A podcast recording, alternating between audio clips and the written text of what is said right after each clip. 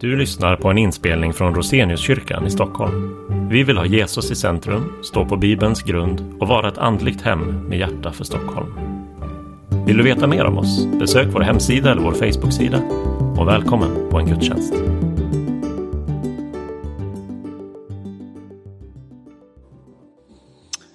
Upplyft era hjärtan och hör dagens evangelietext som är hämtad ifrån Lukas evangeliet kapitel 22. Det uppstod också en dispyt bland dem om vem som skulle anses vara störst av dem. Då sa Jesus till dem, folkens kungar beter sig som herrar över dem och de som har makten kallar sig deras välgörare. Men ni ska inte göra så. Den som är störst bland er ska vara som den yngsta och ledaren ska vara som tjänaren. För vem är störst? Den som ligger till bords eller den som tjänar? Är det inte den som ligger till bords?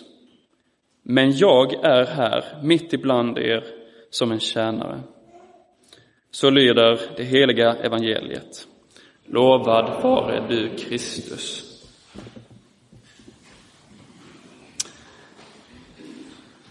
Väldigt kul att få vara här i Roseniuskyrkan hos er.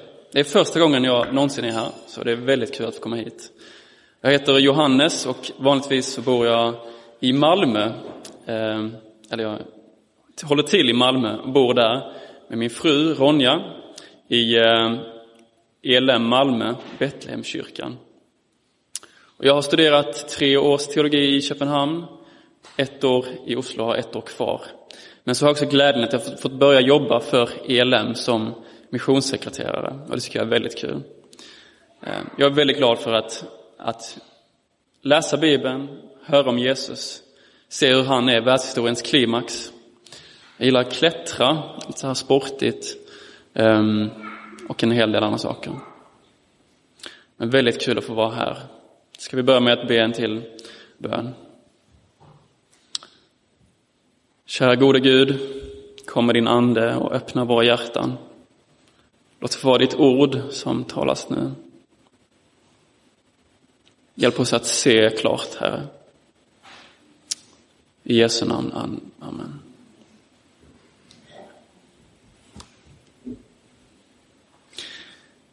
En av nutidens allra mest populära ord, det är ordet polarisering.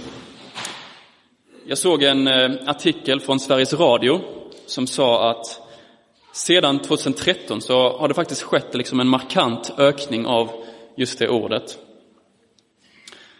Ehm, men i samma artikel så sa forskare vid Göteborgs universitet att det kanske inte är så att vi har en så mycket större politisk skillnad, den är svår att se där. Men vi tycker värre om, vi tycker mer illa om våra meningsmotståndare sa samma artikel. Klyftorna mellan grupper och individer i samhället, säger vi, ökar. Ehm, kanske vi vågar säga det i hela världen att det är så. Ehm, man kan säga att människans problem, ett av hennes problem är att vi är liksom i en kurs där vi glider längre och längre bort ifrån varandra. Har ni hört det där skrämmande faktumet att ehm, tidsrummet i universum expanderar? Forskare de säger så att allt i världen glider längre och längre bort ifrån varandra när det växer. Världen är i en kurs där allt glider mer och mer isär. Och den här grundkursen kan vi också se i våra relationer mellan varandra. När vi glider bort ifrån våra medmänniskor så går vi från att kalla och se medmänniskor, vänner och kollegor till att se konkurrenter, främlingar, fiender. Ibland så är det på mikronivå. Ehm, att vi kommer längre bort från dem i vår vardag. Ibland är det hela länder som glider längre från varandra. Nationer som tidigare varit som syskon är främlingar och vänder sig i krig mot varandra.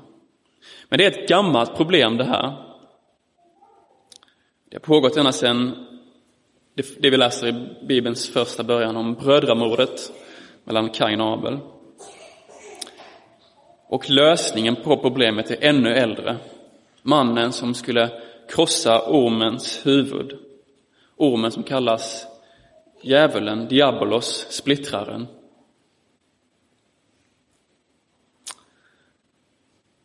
Om du tyngs av splittringar i samhället, i missionsorganisationen, i församlingen, i familjen, så lyssna noga nu, för jag vill komma med ett ganska så magstarkt påstående.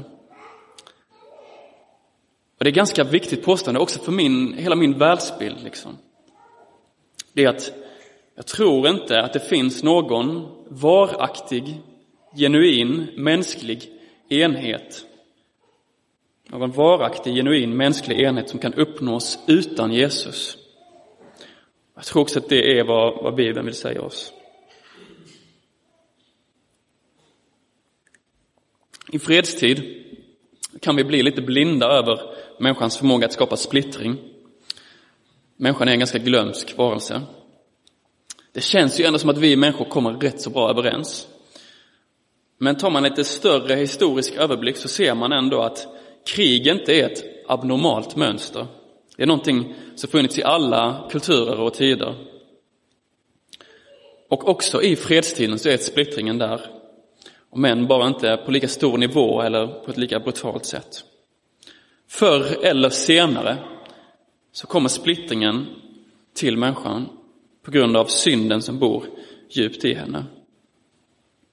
Och människan vill alltid vara för mer än sin omgivning, de omkring sig. Människan har den här sjukdomen att se konkurrenter, främlingar och fiender. Och så kommer alla politiska ideologier och säger, eller och målar en bild av hur vi till slut ska kunna leva i frid, komma överens som en enhet. Alla ideologier målar upp en utopi, ett paradis och predikar det sätt som vi når dit. Men ingen ideologi kan skapa enhet som håller i längden. Lösningen på splittringsproblemet är inte politisk. En del familjer de kör på den välbeprövade eh, metoden att man inte pratar om vissa saker. Man trycker undan det som skaver, som är jobbigt att prata om. Men i längden så är verklig enhet och en närhet omöjlig. Lösningen till splittringsproblemet är inte ignorans. Mycket starkare än tankens enhet, viljans enhet, att vi tycker lika eller att vi vill samma. Mycket starkare än det är den enhet som Jesus skapar. Det är inte som vilket politiskt parti som helst. Det är inte som en intresseklubb, eh, som någon grupp. Utan det är en enhet som beror på en person. Och att alla vi har en relation till den här levande personen, Jesus Kristus. Så är du trött på splittring och konflikt, kom till Jesus. Bara i honom kan sann, innerlig, varaktig enhet skapas. Den här utopin som ideologierna målar upp utan ände, den utopin kallas Guds rike och den är till skillnad från de andra faktiskt på riktigt.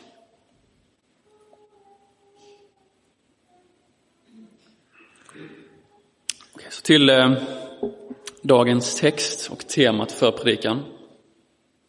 Har du inte hängt med på det gudstjänsten hittills så är temat för idag enheten i Kristus och den kontrast det finns i denna enhet till skillnad mot världens splittring.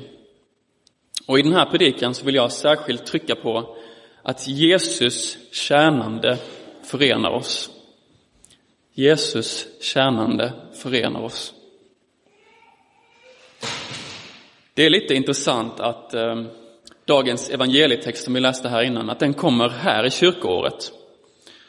Typiskt, eller jag brukar tänka typiskt, att detta är en text om ledarskap.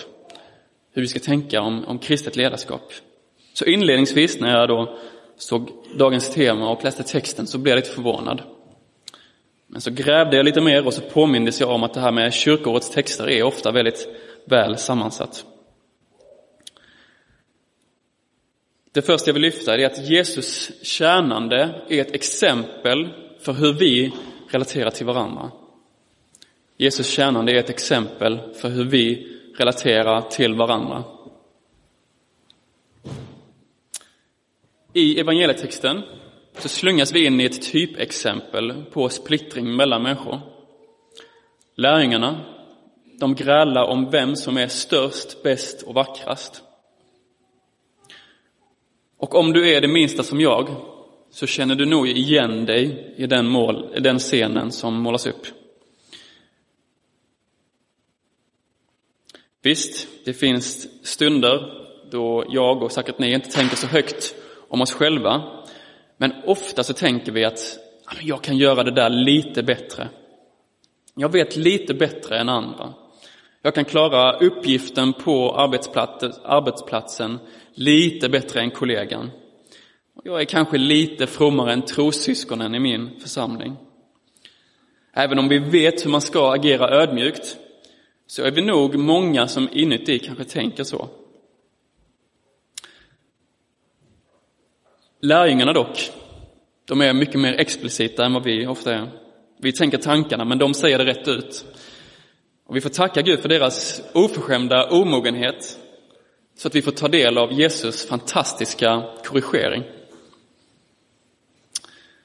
Jesus han beskriver för lärjungarna världens sätt, som han kallar det, som var, var och en av oss är uppvuxna i och bekanta med.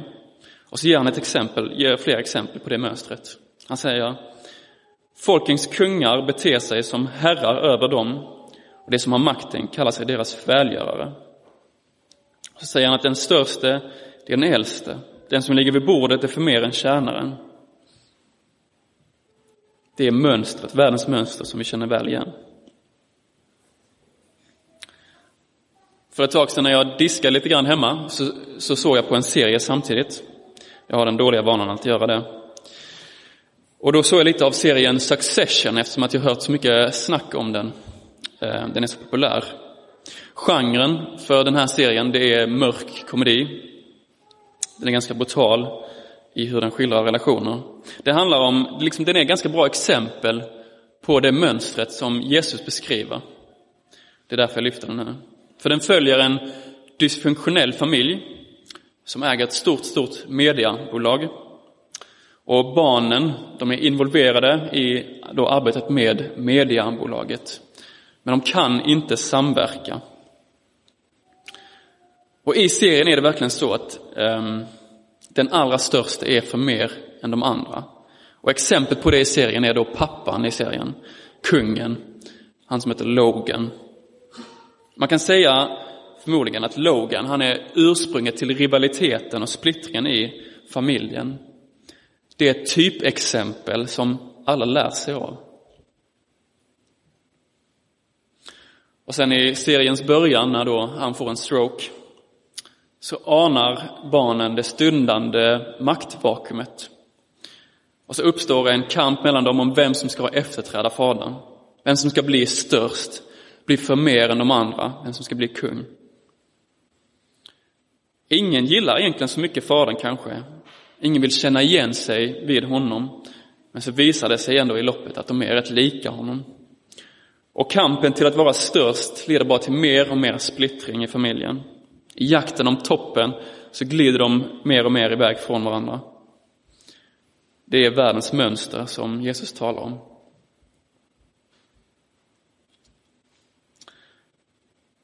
Men så i helt kontrast till det här världens mönster så kommer världens mest udda ledare, Jesus, och säger Här är jag mitt ibland er som en tjänare. Här är jag mitt ibland er som en tjänare. De orden har fastnat på mitt hjärta på ett särskilt sätt i, i förberedelse av predikan. Se honom som säger så. I tvärtomriket, som Jesus några verser senare säger att han ska överlämna åt lärjungarna, så vänds mönstret helt upp och ner. Den överste är som den underste. Den störste ska vara den tjänande, upplyftande, bärande, stöttande, självuppoffrande. Och Jesus säger faktiskt inte att alla ska vara lika, alla ska vara lika stora, total jämlikhet. Det är mycket mer radikalt än så. Jesus helt omdefinierar vad storhet är. Det är inte att visa auktoritet, att demonstrera makt och skicklighet. Nej, storhet, det är istället tjänande, att ge och dela med sig.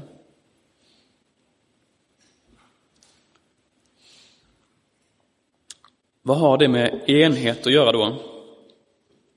Jo, lärjungarna de splittras ju. De argumenterar och diskuterar om vem som är för mer än de andra. De tänker på sig själva, att de själva vill ha mest. Men så ger Jesus då motgiftet till deras dispyt och splittring. Den som vill vara störst ska tjäna de andra. Ser ni här att också texten handlar om enhet?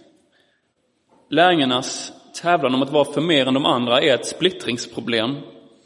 Och Jesus lösning, den är radikal. Den tar deras intention och liksom vrider den helt omvänt. Till att istället lyfta upp de andra. Och så vis ska de då genom Jesus eh, enas.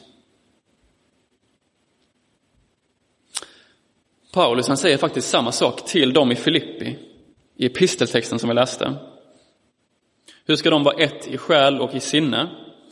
Jo, genom att ödmjuka sig själva och sätta andra högre. Nämligen genom att följa Jesus exempel, som är Gud, men som ödmjukade sig som den största tjänaren när han dog på korset.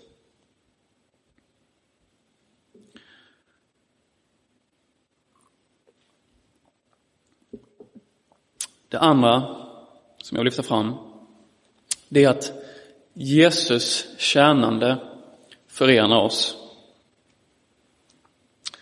Så Jesus tjänande exempel ska vi följa. Men grunden för hur vi ska förhålla oss till varandra, Ehm, det är Jesus. Han är inte bara ett moraliskt exempel vi ska följa. Han är mycket mer än en mall som vi ska kopiera, något som bara ska inspirera våra liv. Mer än så, så är han grundförutsättningen för att vi kan leva våra liv och leva tillsammans. Han är också grundförutsättningen för att vi kan förhålla oss till varandra. Guds folks enhet, det grundas inte primärt eh, i hur dess lärjungar ska agera gentemot varandra, men primärt i vad Jesus har gjort emot dem, emot oss. Här är jag mitt ibland er som en tjänare, säger Jesus. Det är ju de som behöver bli betjänade. Och det är också det som förenar dem. De är alla i behov av Jesus offer. Det är deras behov att bli betjänade.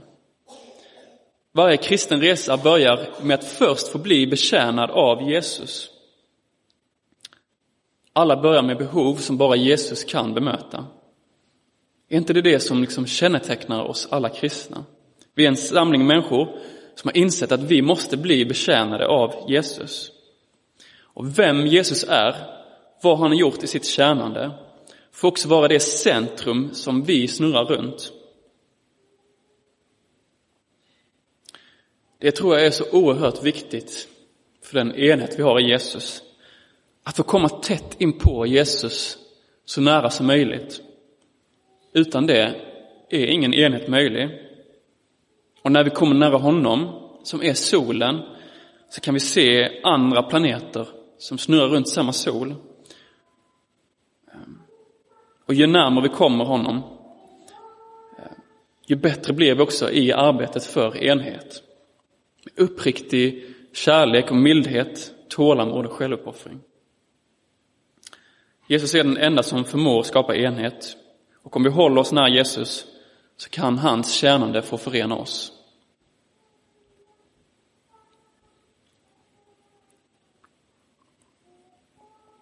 Den tredje delen, för att bli mer konkret. Någon kanske tänker att hittills har det varit rätt så simpelt och lite abstrakt kanske. om ett ämne som är väldigt svårt i det konkreta. Och det är det verkligen med enhet. Eh, tillåt mig att hjälpa till att problematisera lite grann. Samtidigt som en Jesusföljare ska kännetecknas av uthållighet, av tålamod i längtan att skapa och vara den enheten vi redan fått i Jesus, så ska hon också kännetecknas av längtan efter sanning och kampen mot ondskan. Enhet är inte därför alltid en helt lätt fråga. Ofta så är splittringarna resultatet av synd, att vi lärjungar utifrån vår egoism bråkar. Men ibland så är också splittringar nödvändiga resultat som en kamp mot synden. Och det ser vi liksom redan i början av kyrkan. När det gäller synd i form av osanning så varnar redan de första apostlarna, de tidiga kristna, om det de kallar de falska lärarna som kommer in i kyrkan. Och redan i deras tid så varnar de om detta. Enheten får aldrig bli så viktig ju heller att vi byter ut trons allra innersta kärna. Också idag så måste vi stå fast på liksom trons grundpelare. Och ibland måste vi då splittra oss, ta avstånd från det som i verkligheten inte har Jesus som Herre och förkunna honom. Men även det är inte alltid så lätt. Hur vet vi vilken splittring som beror på människors synd och vilken som beror på Guds ord? Hur vet vi vilken splittring som är synd, eh, eller vilken enhet som är synd och vilken som är destruktiv? Ofta är det väldigt grumligt vatten. Många eh, splittringar motiveras av finputsade teologiska argument. Inte så sällan så klär vi Eh, vår synd i vad som liknar fromma, rättfärdiga intentioner. Något som kanske egentligen är personlig avsky sminkas i fromma teologiska skillnader. Vi säger att personens lära är anledningen att vi vill ta avstånd, när det kanske egentligen handlar om personen själv som vi, vi har något emot. Och så vill vi inte ha det. Hur undviker vi då det? Och hur är vi nitiska för sanningen samtidigt som vi undviker att det här med renlära liksom blir en överdrift? Ibland så blir delar av kristenheten så fokuserad på det här med att ha den rena specifika läran att det blir så oerhört smalt vad, vad sann kristen tro är. Alla teologiska frågor blir helt altavgörande eftersom att de på något sätt kan kopplas till grundpelarna. Och renläran blir viktigare än allt annat. Kvar blir det liksom en kall mekanisk tro eh, med tillhängare som kan agera så kärlekslöst att frågan är om de verkligen känner Jesus. Så vill vi heller inte ha det. Hur undviker vi det? Det är väldigt bra frågor. Eh, de är inte så lätta att svara på i det konkreta. Ehm, vi måste kunna skilja mellan det centrala och det perifera. Naturligtvis så är det enklare att ha en närmre enhet med de som skiljer sig bara i periferin än de som liksom har ett helt annat centrum. Ehm, vi får aldrig byta bort trons kärna Samtidigt får vi inte kalla det perifera för det centrala. Vi får be Gud att ge oss vishet och ge våra ledare vishet i sådana frågor. Att kunna avgöra i det konkreta. Och en annan konkret sak är att jag tror att det är viktigt i vår, alltså vår inställning i teologisk strid ska vara att det är inte någonting vi gärna gör men någonting vi måste. Vi bör ivra efter att förkunna evangeliet, men se det som nödvändigt att ibland också försvara det när det utmanas. Då rimmar vårt agerande väldigt bra med det som Judas skriver i sitt brev. Där står det Även om jag var väldigt ivrig att skriva till er om vår gemensamma frälsning fann jag det nödvändigt att skriva och uppmana er till att kämpa för den tro som en gång för alla har överlämnats åt det heliga. Hos er har det nämligen lästnat sig in vissa personer vars dom för länge sedan var förutsagd i skriften. Alltså att dela evangeliet borde vara någonting vi ivrar efter, men att kämpa för sanningen och den rena läran en nödvändighet. Men tyvärr är det tvärtom för en del kristna. Men vår nitkärlek för teologi får aldrig övergå vår nitkärlek för våra faktiska bröder och systrar i Kristus. Det finns en författare som heter Gavin Ortland. Han skrev en bok som heter Finding the right hills to die on. Alltså att hitta de rätta kullarna att dö på. Han skrev så här, ehm, och det var en bok som handlar just om det här med det centrala och det perifera. Så här skrev han. Om det inte kostar dig något att behålla enheten i Kristi kropp, om det inte gör ont, så anpassar du dig förmodligen inte nog.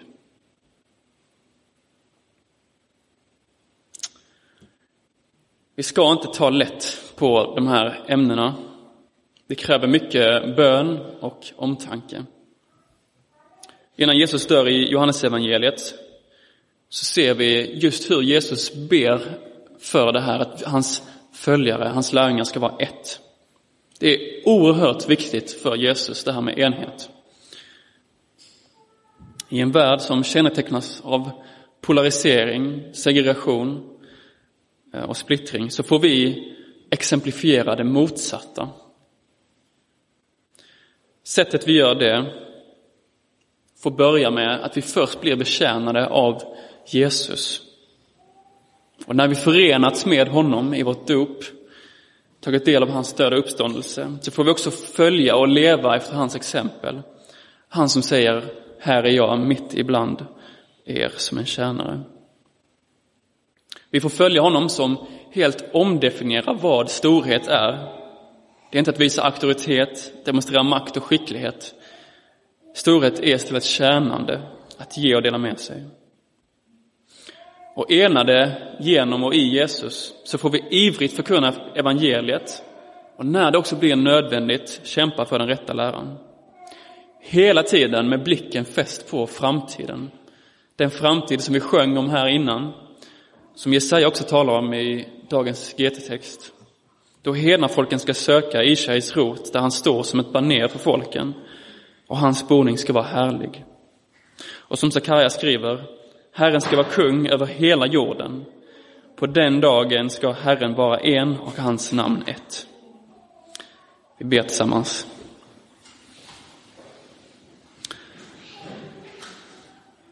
Käre Herre, lägg den enhet som du har skapat i din son också på våra hjärtan. Gör oss ödmjuka, Herre. Hjälp oss följa ditt exempel. Låt det hela börja att vi har blivit betjänade av dig, Jesus. Ge oss vishet, Herre, i hur vi ska agera i, i, i splittringar och i enhet. Skapa en iver i oss att förkunna evangeliet om din son. Hjälp oss förstå när det blir nödvändigt att också försvara det, Herre. Detta centrum som vi aldrig vill förlora.